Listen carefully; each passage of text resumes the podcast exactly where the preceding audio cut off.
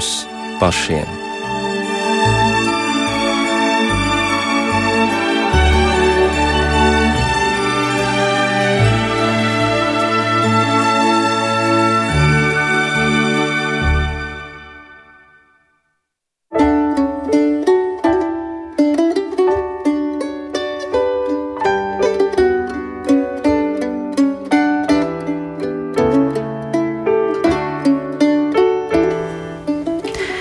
Esiet sveicināti raidījumā pāri mums pašiem, lai ir slavēts Jēzus Kristus.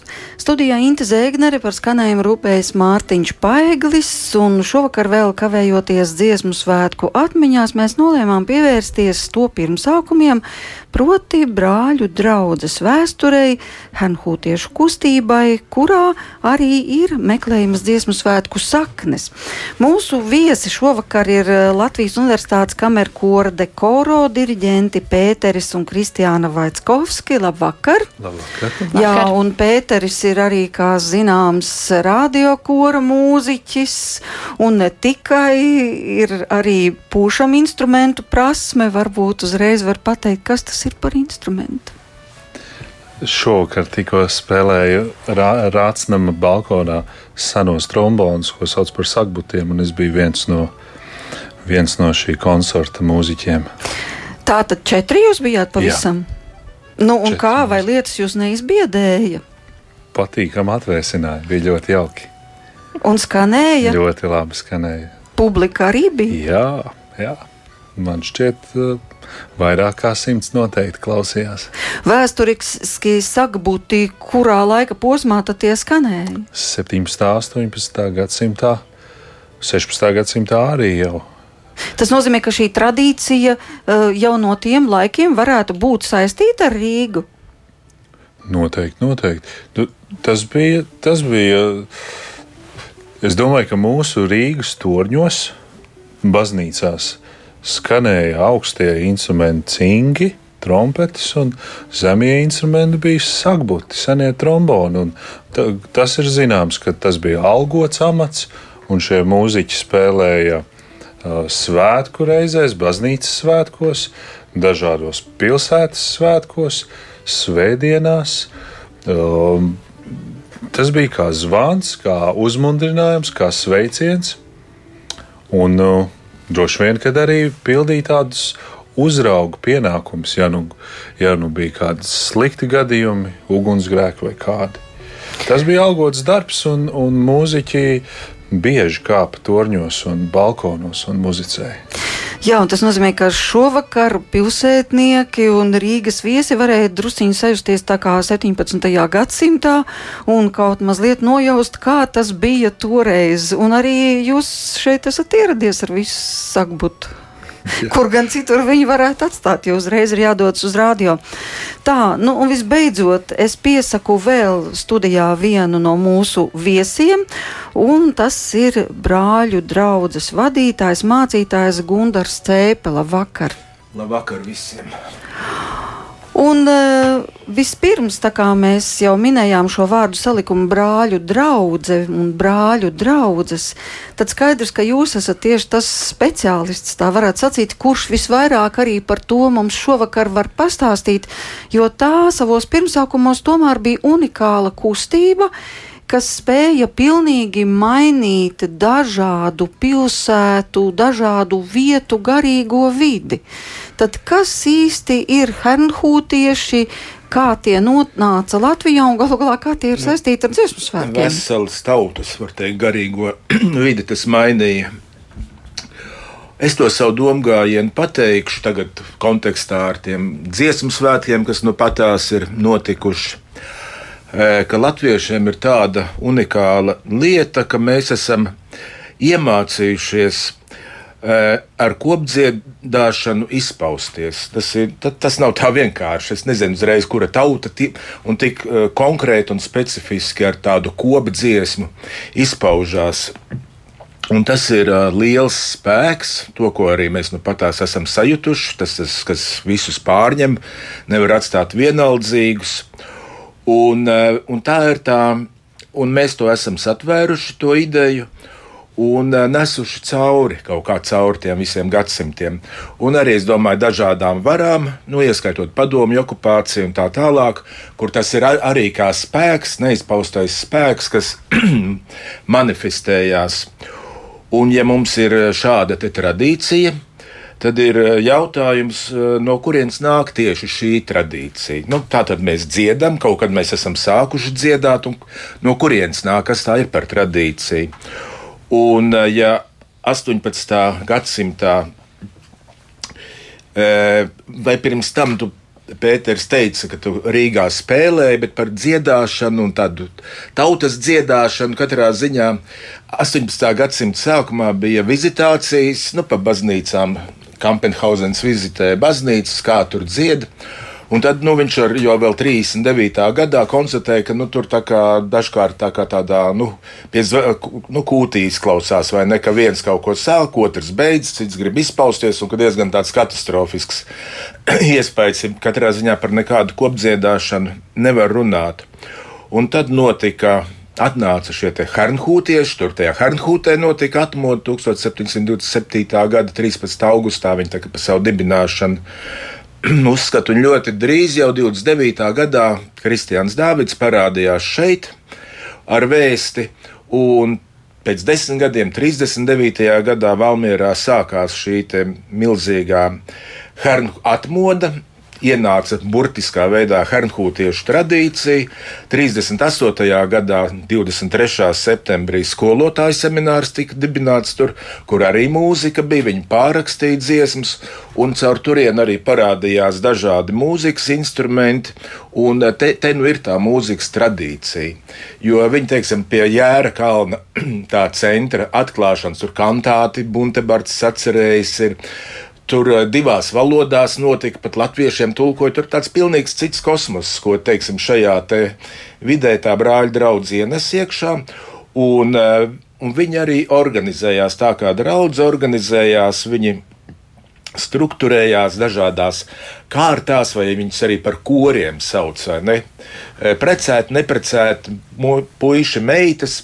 Un tieši kori viņi saucās. Un tad ir tālāk, viņiem arī šī dziedāšana bija kas ir, es nesen biju Hernhūtē, tur tās, tā tradīcija, dziesmu stunda, piemēram, tur, nu, kā viņi izpaužās ļoti, ļoti radoši. Un arī pie mums jau, jau tajā 18. gadsimtā bija dziesmas, un tad, teiksim, tad vīri dzied, tad sievas dzied tādas tā kā liturģijas vai ne, un, un, un teiksim, Hernhūtē tā dziesma dievkalpojumā, nu, tur ir, man pat līdzi lapiņi ir.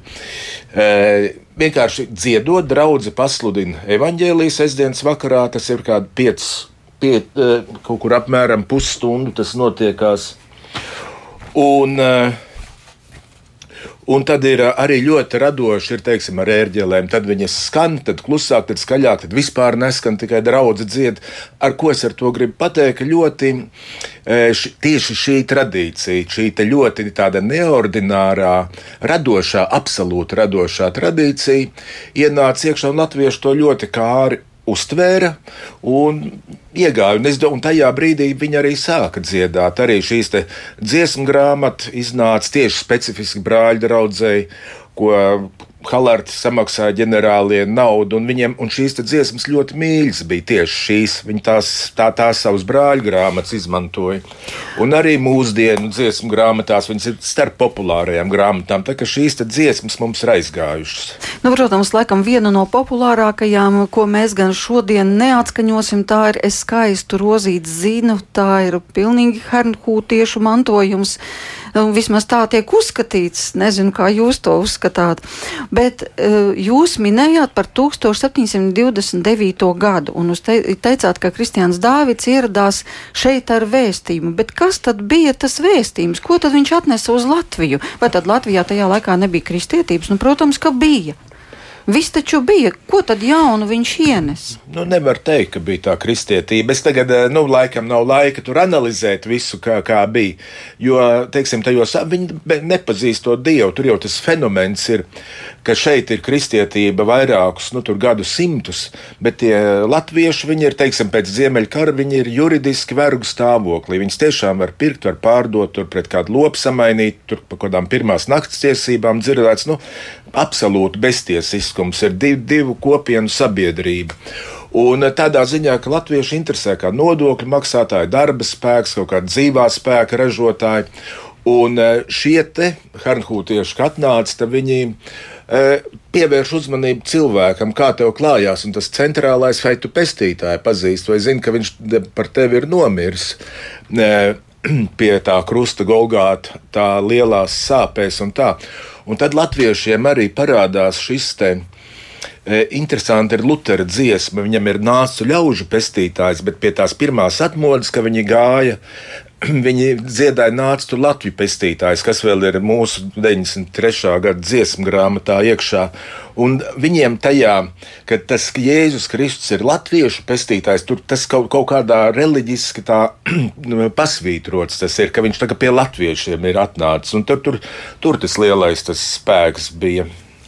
Jā, tas ir konkrēti, ja mēs runājam par šo atnākšanu uz Latviju, par Valmieru mūžu, bet vispār šajā kustībā, nu labi, pie latviešiem viņi nāca un tā tad ļoti pacēla latviešu pašapziņu, bet pirms tam jau bija Čehija, tad viņi no Čehijas bija spiesti vajāšanu dēļ doties uz Vāciju, tur viņus uzņēma grāfs Cincendorfs, bet Kas tad bija tas ne. Eh, garīgais spēks, kāpēc šī kustība tik ļoti izplatījās? Viņa, viņa tieši starp latviešiem ļoti izplatījās. Viņa izplatījās pa visu pasauli, bet tik milzīga atmoda kā pie mums nekur citur nav notikusi. Teiksim, Vācijā viņi tur kaut kādi nu, vairāk kā desmit tūkstoši. Es nezinu, vai ir bijuši viņi tādās apmetnēs, dzīvo viņi ar misiju, misionē pa visu pasauli, bet tieši tāda atmoda, kā nu, pie latviešiem, igauniem, tās ir tās skaitliski lielākās, jo nu, tur 19. gadsimta sākumā organizēta bija vairāk kā 100 tūkstoši.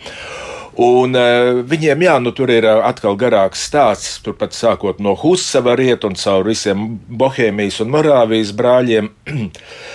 to 30 gadu karu, pēc tam to vajāšanu, kad tur vēl tā totālā rekatolizācija bija. Tur, ja tev dziesmu grāmata mājās ir tā, tās senās brāļa draudzes, tad cietumā es labākā gadījumā. Un tad šis pats Kristians Dāvids, kas atnāca uz šejienes vairākos gājienos, tiešām tādā apustuliskā spēkā, kaut kā veda pāri tiem kalniem, pāri robežai uz to Saksiju, kas ir Dresdena galvaspilsēta, kas bija, kur ticības brīvība bija, tā kā evaņģēliska zeme. Un tad tur viņi arī pieci gadi, 22. gadā viņš pirmo koku cirta 18. gadsimtā tai Hernhūdas pilsētiņai, bet tur bija sanāca dažādi ticības vajāti, un viņi nesapratās savā starpā, strīdējās, visi dedzīgi kristieši ir, bet nu, tur nu, senie brāļi vai luterāņi, kas bija arī tas pats Kristians Dāvids un Cincendorfs, un tad. Bet uz ko pamatojās viņu dedzība? Viņu dedzība, nu, nekā, viņi bija par savu ticību, viņi maksāja ar asinīm. Viņi bija gatavi mirt un tā tālāk. Un tad viņus tā kā nu, izlika ārā, un tad un tajā 13. augustā. Trešdien tā bija. E, para, jau likās, ka uz visu jukšanu ārā tur ir. Par viņiem nāca tas vienprātības gars. Un e, tad cilvēki, kas bija tuvumā, tālumā, kaut kā sajūta kaut kādas izmaiņas sevī. Tas pie Dievgalda arī bija Bertels Dārfs baznīcā. Un kā viņi paši saka, viņi iemācījās mīlēt viens otru. Nu, Bet tad jau tas bija pārdabiski. Tā, nu, tur jau tā lieta, un šo pašu nu, apustulisko spēku viņi atnes uz šejienu. Tas Kristians Dāvids nāca, viņš pirmo reizi nāca izlūkot, kā viņš, viņš trīs reizes bija Latvijā un labi, labi latviešu runāja. Viņ, viņš, un tad viņš ziņoja, ka, jā, ka šeit ir cil, cilvēki nepazīst pestītāju. Nu, formāli un tā tālāk, jā, bet viņi nepazīst viņu. Un, Un tad otrais viņš nāca jau būvēt, tur tās, kā viņš saka, teltis būvēt, viņš galdnieks bija. Un tad trešo reizi viņš arī to atmodu piedzīvoja, kad no, to, to baudīja. Un tad jau viņi ļoti ātri aizliedz 1743. gadā. Viņi aizgāja pagrīdē, visi latvieši, vācieši aizbrauca projām, bet tad tie latvieši bija sakustināti un viņi paši organizējās. Un tur tagad nāk tā, tās nākamās paudzes, kur mēs aiziesim līdz Jānim Cimzam, kas arī nāk no Hanhūtiešu ģimenes. Un tātad visur tur jau parādās šīs tās hernhūtiskās lietas, jo viņi nes tālāk šo tradīciju. Viņi dzied, viņiem ir tie ko, kārtu vai koru svētki, viss, viss tā kā notiekās. Tur tā kultūra veidojās. Un atkal cauri vēsturē visādi tur pārmainījumi ir, vai ne kaut kādi nāk jaunatvieši, jaunstraunieki, vieni paziņo, ka viņi ir pirmā atmodu, jo tie laikmeti mainījās, vai ne? Un, un šitas tas arī viņu acīs, un arī vāciešu acīs, ne, tāds ideoloģiskais spiediens bija nemitīgs, ka tā ir primitīva zemnieku reliģiska kustība, tas, nu, tas ir kaut kas ļoti primitīvs, zemniecisks, kas tur ar augsto mākslu tur nekāda sakara nav. Tāpēc tā attieksme tāda bija, un arī tie daudzi tie jauni, nu, tie, var teikt, tie ar to mocījās, arī ieskaitot tur kaudzītas brāļus, vai ne, kad, nu, cimzu vai neikenu, ka no vienas puses tu esi īsts latviets, un otrs saka, tas ir pilnīgs štruns, vai ne, ko tev tur senči ir, ir darījuši un tā tālāk. Tā tikai to arī var tā apbrīnot, ka tas arī tādā veidā iznest cauri. Jā, un Hernhūta tā ir konkrēta vieta Vācijā, Jā. kas kļuva par patvērumu vietu šiem dedzīgajiem kristiešiem, kas vēlējās nest uh, Kristus vēsti tālāk pasaulē, lai arī ko tas viņiem maksātu. Nu, tā, tā ir apbrīnojama tā misija. Viņi, nu, tas tiešām tā neprātam neaptveram. Viņi, tas bija pirmkārt Reigas Krāvs, bija vadītājs, kas ir tāds īpašais status, īpaši bagāts viņš ir. Un, eh, un eh, viņi devās eh, uz Karību salām. Viņi gāja iekšā verdzībā, jo tur verdzība bija, lai, lai tur izpirktos, lai viņiem pasludinātu neticami stāstu. Un pa visiem kontinentiem viņi bija. Tā, tas, tā, tas ir. Nu, Tas ir apbrīnojami. Un... Jā, par to verdzību tas tiešām bija kaut kas nedzirdēts. Uh, par to, ka viņi bija. Paldies! par to, ka viņi. Man, mēs, mēs tad drusku padarbojāmies ar mikrofonu. Skaņu operators var neuztraukties, viss ir kārtībā.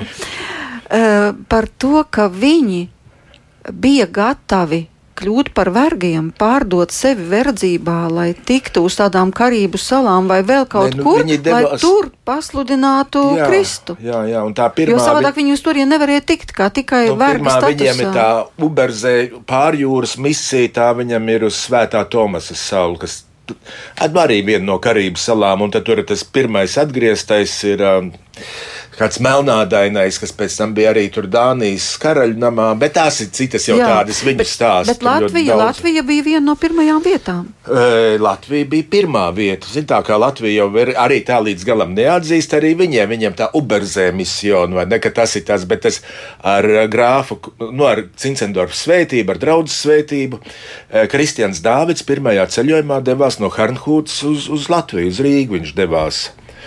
Un vēl pēc ceļam Berlīnē be, vienu beidzamo brāļa draugu biskupu Jablonski satika, kas arī viņiem deva. Tas ir senās brāļa draugs Čehu, kas arī viņus svētīja. Nu, ir... Mums ir arī izdevies atrast kādu no Hernhūtas korāļiem, un tas ir um, Morāvijas, tātad Morāvijas tradīcija. Un, uh, ja es atcerēšos, tad es, es pateikšu, pateiktu, arī Čehija ja... sastāv no Morāvijas un Bohēmijas. Un viņiem tie ska, trī, trīs krāsas ir karogā, un tā trešā krāsa ir Silēzija. Tas ir nu, tā, tā, tā, kas ir Čehija mūsdienu. Nu, lūk, un šī korāļa nosaukums ir Nāc, dziedāsim dziesmu, kas ir veltīta Jēzumam.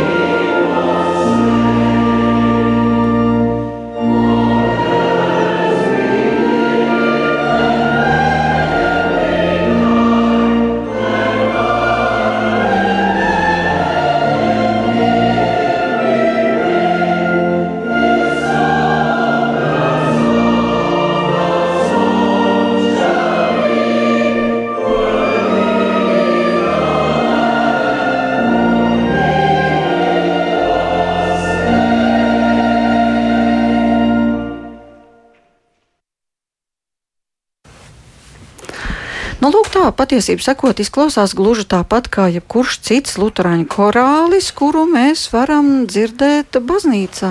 Un līdz ar to es arī jau pirms rādījuma vaicāju mācītājiem Gudaram Cēpēm, bet vai tad to mīlestības spēku teicu, vai tas nebūtu pieskaitāms, vai jebkurš cits luterāņu korālis, jo nu, tur jau tur tā kaut nedala, kāda... teiksim, ja skatās mm. luterāņu dziesmu grāmatu, tur ar brāļu draudz ļoti daudz saistīts dziesmas. I, ieskaitot hermhūtiešu dziesmu, ir pateicība pienesam, ko tā mīl, nu, pirms ēšanas dziedāt vai ne, un tā kā ļoti daudz ir tādas, tā kā es domāju, ka tur nav vajadzības pat tā dalīt. Jā, bet jūs minējāt Jēra kalnu.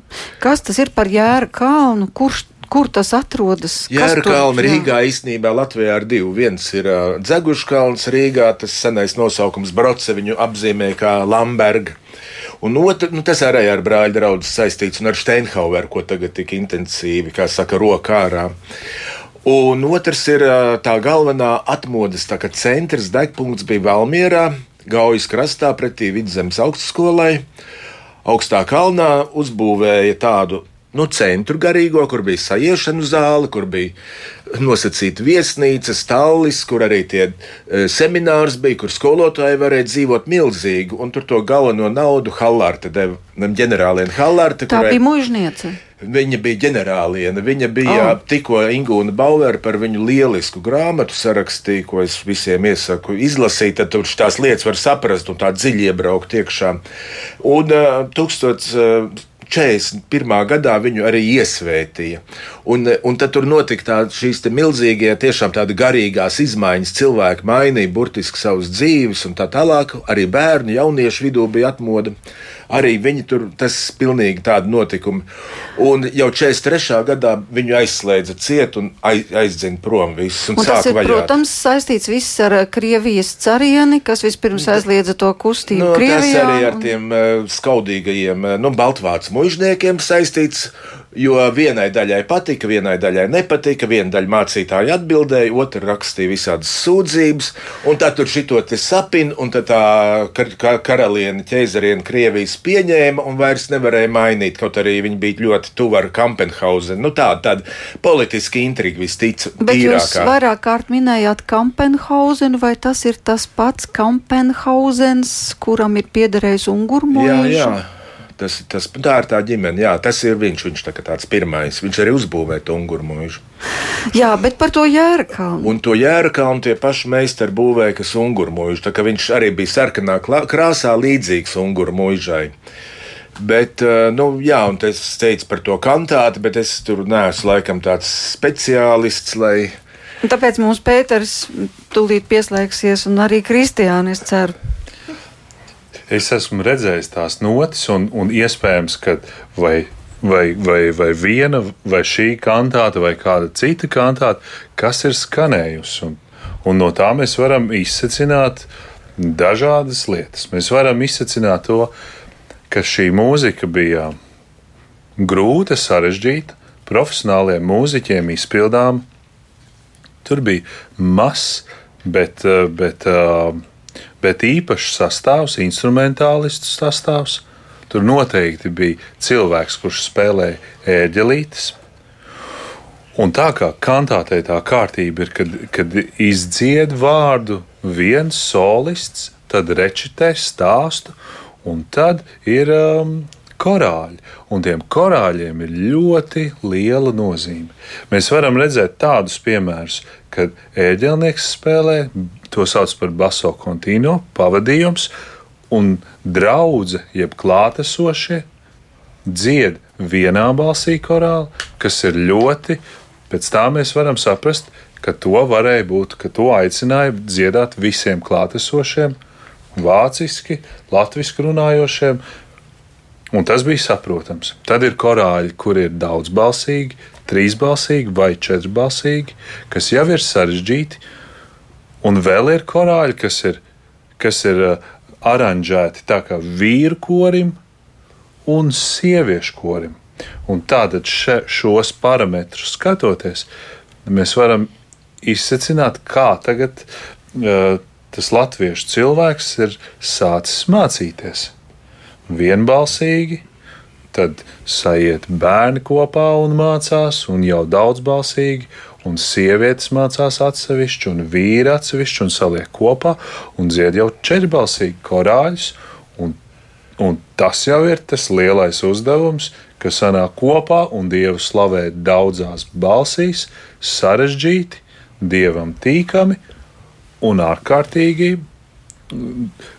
Tas ir grūti, bet tas, tas ir svētīgi praktizējošs darbs, ko dara um, dievkalpojumos, sapulcēs.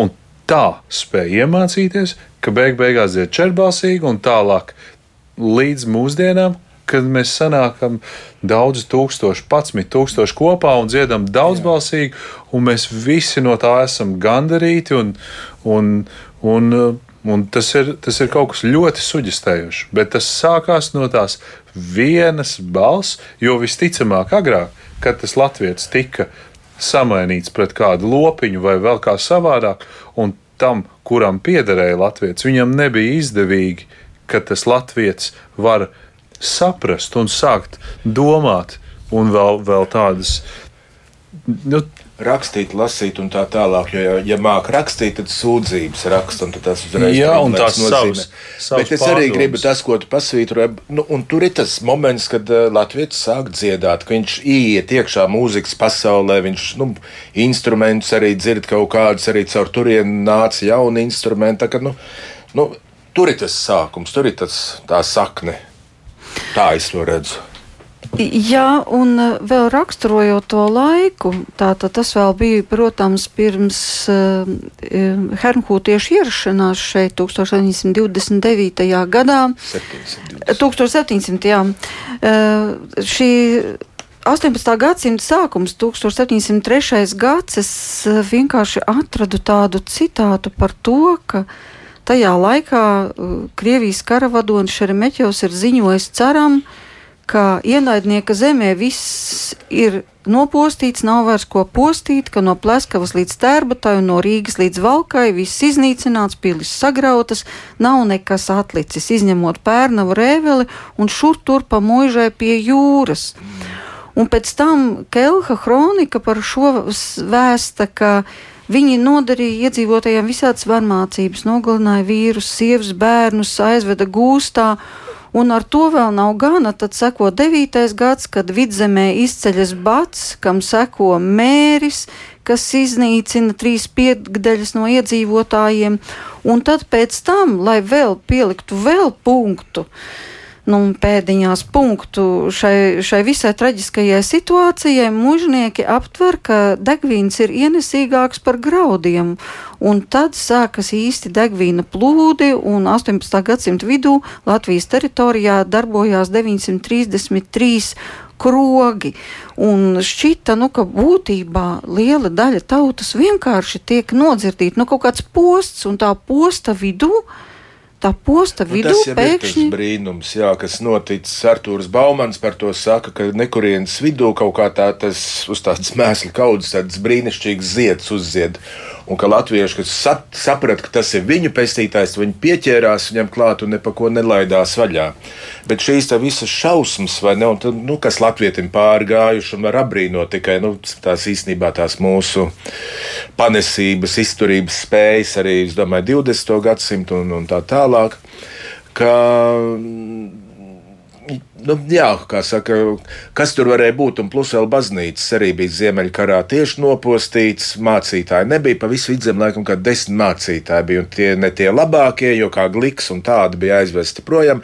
Tā kā absolūti bezcerība, un tad caur šito tiešām tādu dievišķo pieskārienu tā, tā, tā, tas pagrieziens sanāca vienkārši, nu jā. Jo viņiem jau arī nebija, nu, kā indiāņiem, tur nodzirdu vai ne, vēl kaut kāda ne tādas ne motivācijas, nekas vai ne. Jo vienmēr jau tā politika tāda notiekās no tiem valdošajiem un valdniekiem. Paverdzināt.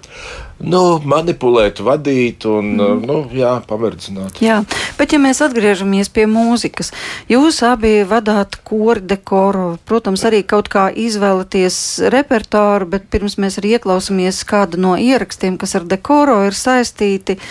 Um, jūsu attiecības ar šo harnhūtiešu kustību un jūsu viedoklis par to, un tā kā Kristiāna vēl nav bildusi ne vārda, varbūt sāksim tomēr pievērst arī Kristiānai uzmanību. Jā, nu, man jāsaka, ka es teiktu, ka tā hanhūtiešu, par hanhūtiešu interesi un arī kaut kādas jau varbūt tās arī nedaudz uh, ieskatas. Es teiktu, ka mums ir kādus varbūt pēdējos uh, gadus tāds. Tāds tiešām in, interešu tādā degpunktā. Jā, degpunktā. Un, uh, mēs patiesībā šobrīd esam tādā procesā, ka patiesībā izpētes procesā mēs klausāmies, mēs priecājamies eh, piedalīties šādās sarunās, kur mēs atkal varam dzirdēt daudz. Eh, daudz eh, informāciju un, un zināšanu no, no, no ekspertiem.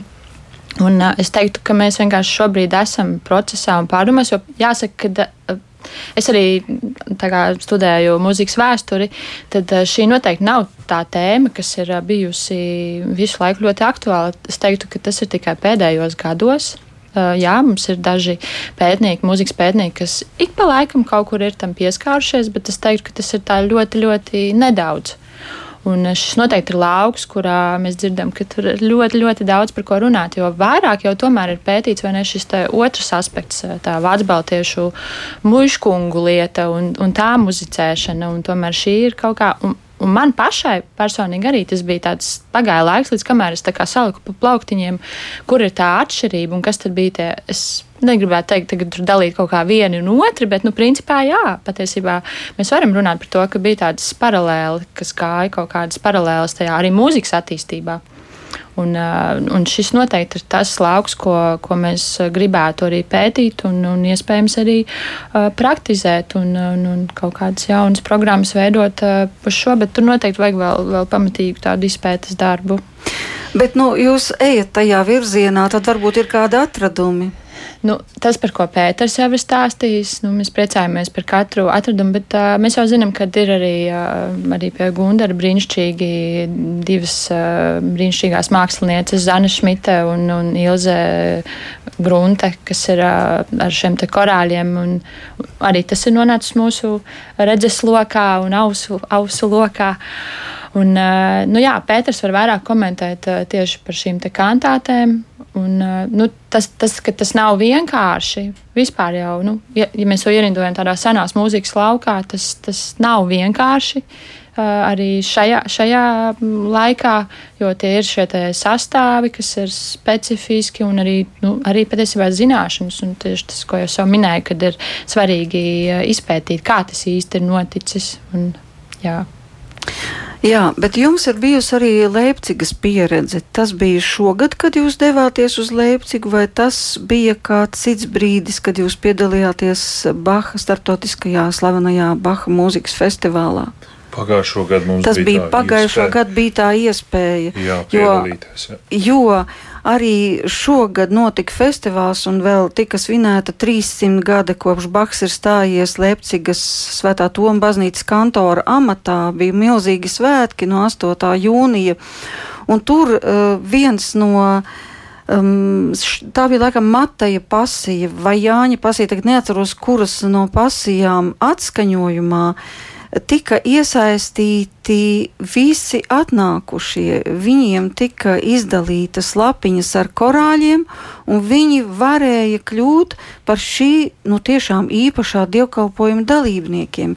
Jā. Jā, es, eh, es saprotu, pat, eh, ka visi tika aicināti pat kādu stundu pirms, lai apgūtu šos korāļus, lai visi justos komfortabli. Un, uh, mēs droši vien runājam arī par interviju, kas bija šeit ar uh, Ainu Kalnciemu. Jā, jo arī mums to ir uh, tāds domu biedrs, protams, klāt, jā. kas dalījusies ir daudz iespaidos, un uh, viņa tiešām teica, ka tas bija fantastiski. Ka tas tā pieredze bija vienkārši tiešām.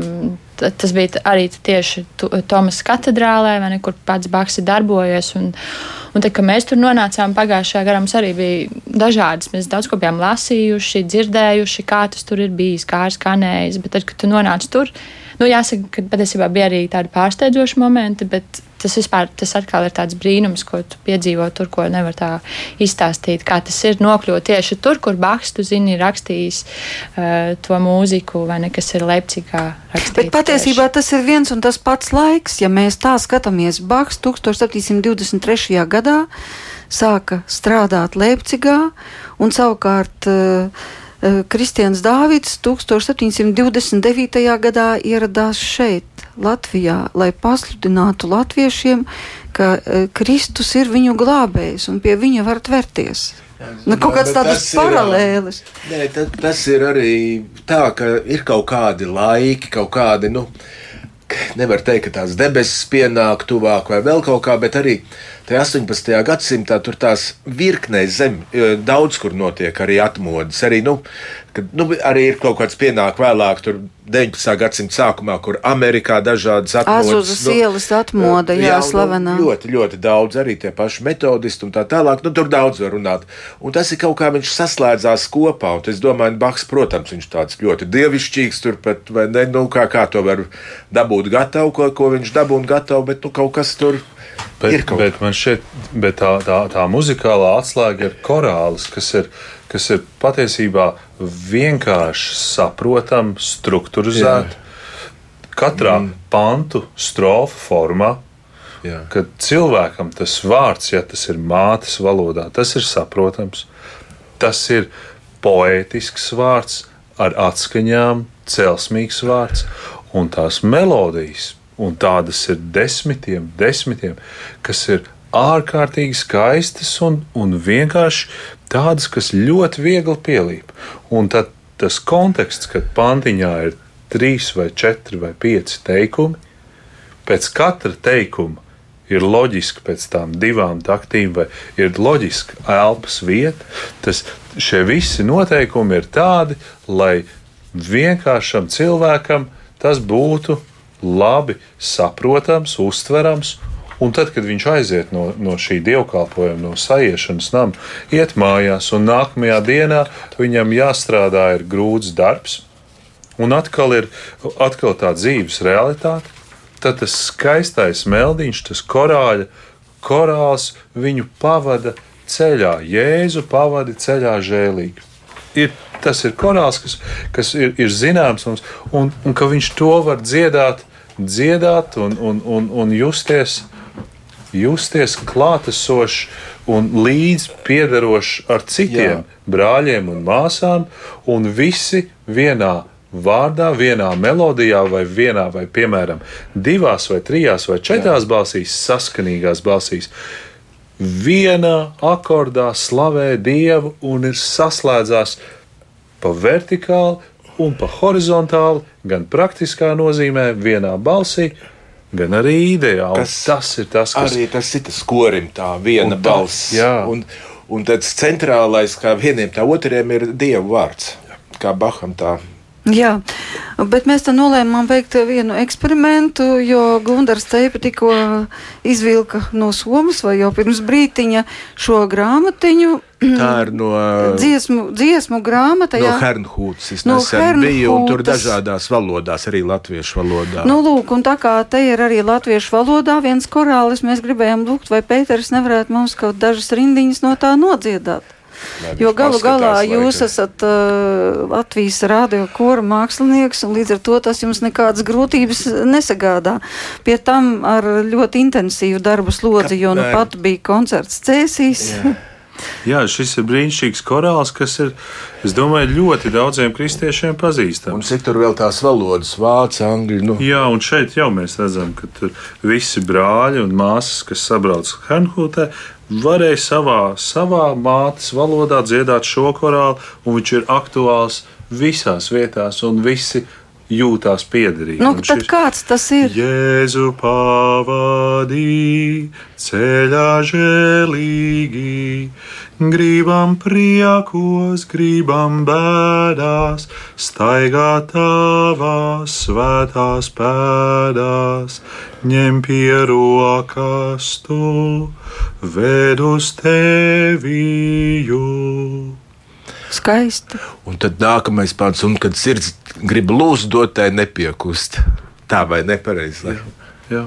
Ļoti tie vārdi arī skaisti. Ļoti skaisti, poētiski. Un arī, kad Ilze un Zane, Grunte un Šmita dziedāja, tie vienkāršie tik skaidri tiek pateikts, nu arī tagad, arī, ot, kad sirds grib lūst, dotai nepiekūst, nu, vai gribam priekos, gribam bēdās, staigāt tavās svētās pēdās. Jēzu Gēforan auf dem Lebensbahn, nu, vāciski tas Jā. ir. Lebensbahn, nevis autobahn, bet Lebensbahn. Jā, dzīves ceļā. Jā, nu šobrīd vēl kāds korāls no Morāvijas, un tad mēs turpināsim.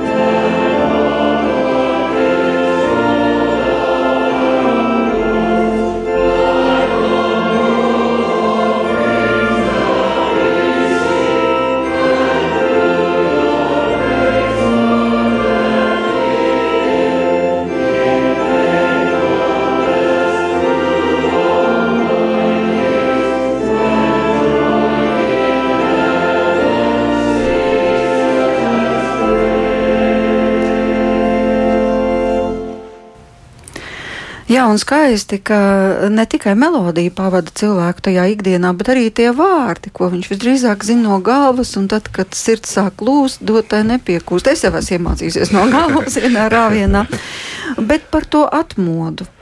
Nu, tur ir tas fenomens, jūs teicāt, vienā brīdī visiem kopā stāvot baznīcā pie altāra, viņi saņēma spēku no debesīm. To nevar izskaidrot. Nevar Viņa... izskaidrot, bet pēc tam tā, tie rezultāti. Arī tādi ekstrēmi, tādas harizmātijas tur nebija. Nu, ka, bet atkal, savukārt, kad Valmjerā bija, kad pie mums bija tā mm, atmoda, tad viena daļa bija, kas nu, kaut ko tur arī krita pie zemes un uh, cēlās augšā, visādas brīnums stāstīja. Un to izmantoja kā ieroci pret brāļu draugu, ka, nu, redz, viņi, nu, kā saka, ka šitādi parādības notiek. Bet atmodas rezultāts bija kāds? Krogi bija joprojām 933 vai pamazām sāka vērties. Tiet, kas notiek? Notika ar cilvēkiem? Kas nu, notika? Cilvēki mainījās. Nu, viņu, Viņa no tāda zemes cilvēka, nu, kas viņam ir ideāls. Viņam, teiksim, ir karjera, viņš labākajā gadījumā viņš mūžas kučieris var būt vai ne. Tā viņa pasaule ir īpaši, ja tu sieviete esi, tad apmēram tavas nu, pagasta robežās notiek, vai ne? Teiksim, kaut kādu pilsētu tu neredzi. Nu, ja tu esi zemnieks, tev varbūt kā, kādreiz jāved ir, tad tu aizbrauc uz kādu pilsētu nu, piemēram, man būs grāmata par vectētiņu, kas nav saistīta, bet viņš 20 gados viņš eh, tikai bija Cēsis un Valmieru redzējis, vai ne? Tad viņš ieradās Rīgā, un tad viņam tur visādi piedzīvojumi sākās. Nu, tad, tas, ir kā, nu, tas ir 20. gadsimta sākumā. Un, uh, Un kas ir svarīgi, ka viņi organizēties sāka. Pirmkārt, tā pati par sevi bija organizācija, brāļa draugs, bet tas e, reģionāli notika. Tātad gan Valmjerā, tur Trikātās, Miltenē, mm. Raunā un vēl viss kaut kur. Un tad, attiecīgi, tie brāļi tiekās, tās, un tie vadītāji par tām konferencēm. Un viņi tiekās. kopā nāk arī lūdzu, es tā saprotu. Jā, un arī praktiskas lietas runā līdz pat tam, kādā veidā tur ar uguni rīkoties. Viņi tādi, nu, var teikt, tāda, nu, tādi vadītāji, dabiski ļoti dažādi gadsimti, 18, 19, tie laiki ļoti mainās, arī nemitīgas vajāšanas bija, bet nu, arī par savām tiesībām iestājās visi jau tie 8, 70. gadu nemieri, kur ķikuļi jēkabs tika nogalināts, pirmais latviešu dzēnieks, kas atsevišķi unikāla persona. Un arī, starp citu, viņam bija sūdzība, pirmais zināmais dzējols ir sūdzība ķeizarienai, Katrīnai II, 1770 laikam tur 6. gadā par to, cik grūti vidzemē klājās, vai ne, ka tur pat uh, grūtniecis tiek daudzīts, tā, tā, bet tas dzējols ir dzējas formā rakstīts un latviešu valodā rakstīts, un viņu var izdziedāt, un, un Kransmans viņu dziedājis, vai ne, to, tā tas arī vi, tik, tik neordināri tie cilvēki, un viņu te Rīgā tajā cietumā nogalināja citadelē, viņam palika, nu, bērniņi, bet nu, ne, ne par to stāsts. Nu, katrā ziņā saprot, tas cilvēks, viņš, ja, viņš bija tāds, ka tu viņu vari tur, nezinu, par pudeli nopirkt vai par kuku, par vēl kaut ko, tad viņš ir tāds, kuru ne ar ko tu nevari, vai ne? Tāpēc, Un viņ, viņam, jā. viņus arī sodīja, miesas sodi bija pie baznīcām, bija nu, kaunas, tā bija siekstas, vai ne? kur nu, visu, teiksim, tātad, ja soda, ja viņš aizbēg projām, tad tur atved un tad viņi tur soda vai ne. Arī Diemžēl pie baznīcām eksekūcijas vieta bija, kad arī tie nemieri bija. Nemiernieks sodīja cauri tai rindai dzēnu un te jāsit ir pa muguru, un aiz tiem vēl stāv citlēņš kārtīgi sit pa muguru, un tur pietiekami nu, daudz bojā gājušie bija, bet viņiem bija pilnīga motivācija, lai ietu, jo viņi pat gāja, nu, kā saka, bez maz centās, lai varētu dabūt to sodu, jo tā pestītājs tāpat vairāk ir su, nu, mocīts vai nekā viņi. Viņi bija dedzīgi savā ticībā, viņi Pilnībā. nebija remdeni, un līdz ar to sāka notikt brīnumi. Pilnībā, jā. Un uh, tas atkal, tas vēl tas nākamais, viņi apgaismot bija, un kad jau atcēla dzimbūšanu sākumā, no šīm ģimenēm viņas kļuva par bagātākajām ģimenēm. Nu, arī tie, kas te daudzie simt hektāri vidzemē, tie, tie hernhūtieši pēcteči. Un, un, un viņi pie turības tika ar to tādu gudru saimniekošanu. Nu, arī tas pats Rīgas Steinhauers. Un arī Cimza nāk, nu, var teikt, no šādas straumes ārā, kas mums ir ārkārtīgi tūs. Viņš no Raunas nāk. Viņa nu, teica, viņam bija mūžas, nu, vagars vai, ne, nu, vai darba vadītājs, bet viņš bija arī sacītāja tētiņš. Ko Tur, nozīmē sacītāja tētiņš? Nu, vai kā kurā vietā viņš sauc, bet tas nu, teicējs vai tas tētiņš, mm. kas vada dievu vārdus, kas sludina. Tā viņi tur dažādi, vai, vairāk sēž priekšā bija un tā tālāk, taisa sajiešanas namos. Un uh, viņa skol, nu, viņš arī teica, turpat Raunas kapos guļ, uh, Cims skolotājs Gaiķis arī turpat guļ. Un Cimzu, kā saka, tas bija atkal pret latviešiem projekts, lai, uh, var teikt, caur to semināru ģermanizētu latviešus un igauņus, vai ne? Nu, un viņam tad līdz ar to vajadzēja būt vācu sievai, vienīgā caurlaide kaut kādā zolīdā sabiedrībā, un kā arī tas bija bet eh, viņš jau nāca no šīs vidas ārā. Kaut viņš kaut 16, 17 gados paņēma, taču viņam, nu, viņa gēnos tas viss iekšā, tas latviskais ir, un kas arī tieši no tās brāļa draudzes nāk. Lūk, un mums ir arī viena dziesma, cimzes apturē, bez kuras mēs arī šajā vakarā tomēr nevarēsim iztikt cimzi godinot.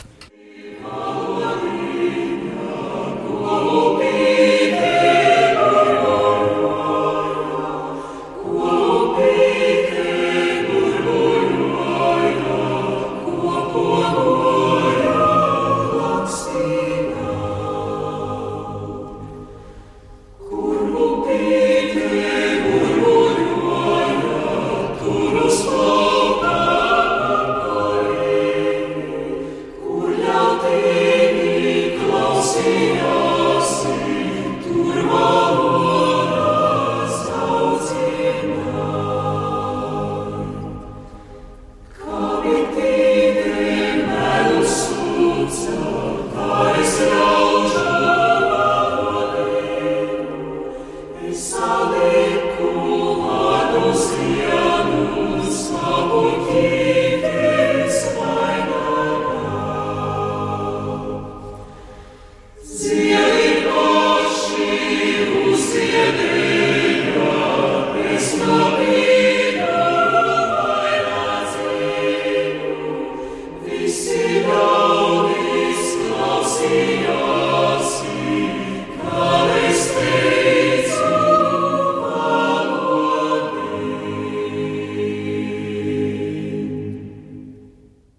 Pasaka to. Jā, tūlīt mēs vēl dosim vārdu Kristiānai, bet par to cimdas skolotāju semināru 430 skolotāju absolvējuši un 40 kļuvuši par kordiriģentiem. Un viņu vidū, kas ir absolvējuši, ir gan Baumaņu Kārlis, gan Indričs Zīle, gan arī literāti Jānis Ruģēns un vēl daudzi citi ievērojami intelektuāļi vai inteliģences pārstāvji. Vēl par to garīgo aspektu, ko tas ir devis arī šī brāļu draudzes kustība, ko kāds tas ir bijis pienesums arī pašiem dziesmu svētkiem. Arī tagad, 30. jūnijā, bija garīgās mūzikas koncerts, ar ko dziesmu svētki sākās Rīgas domā.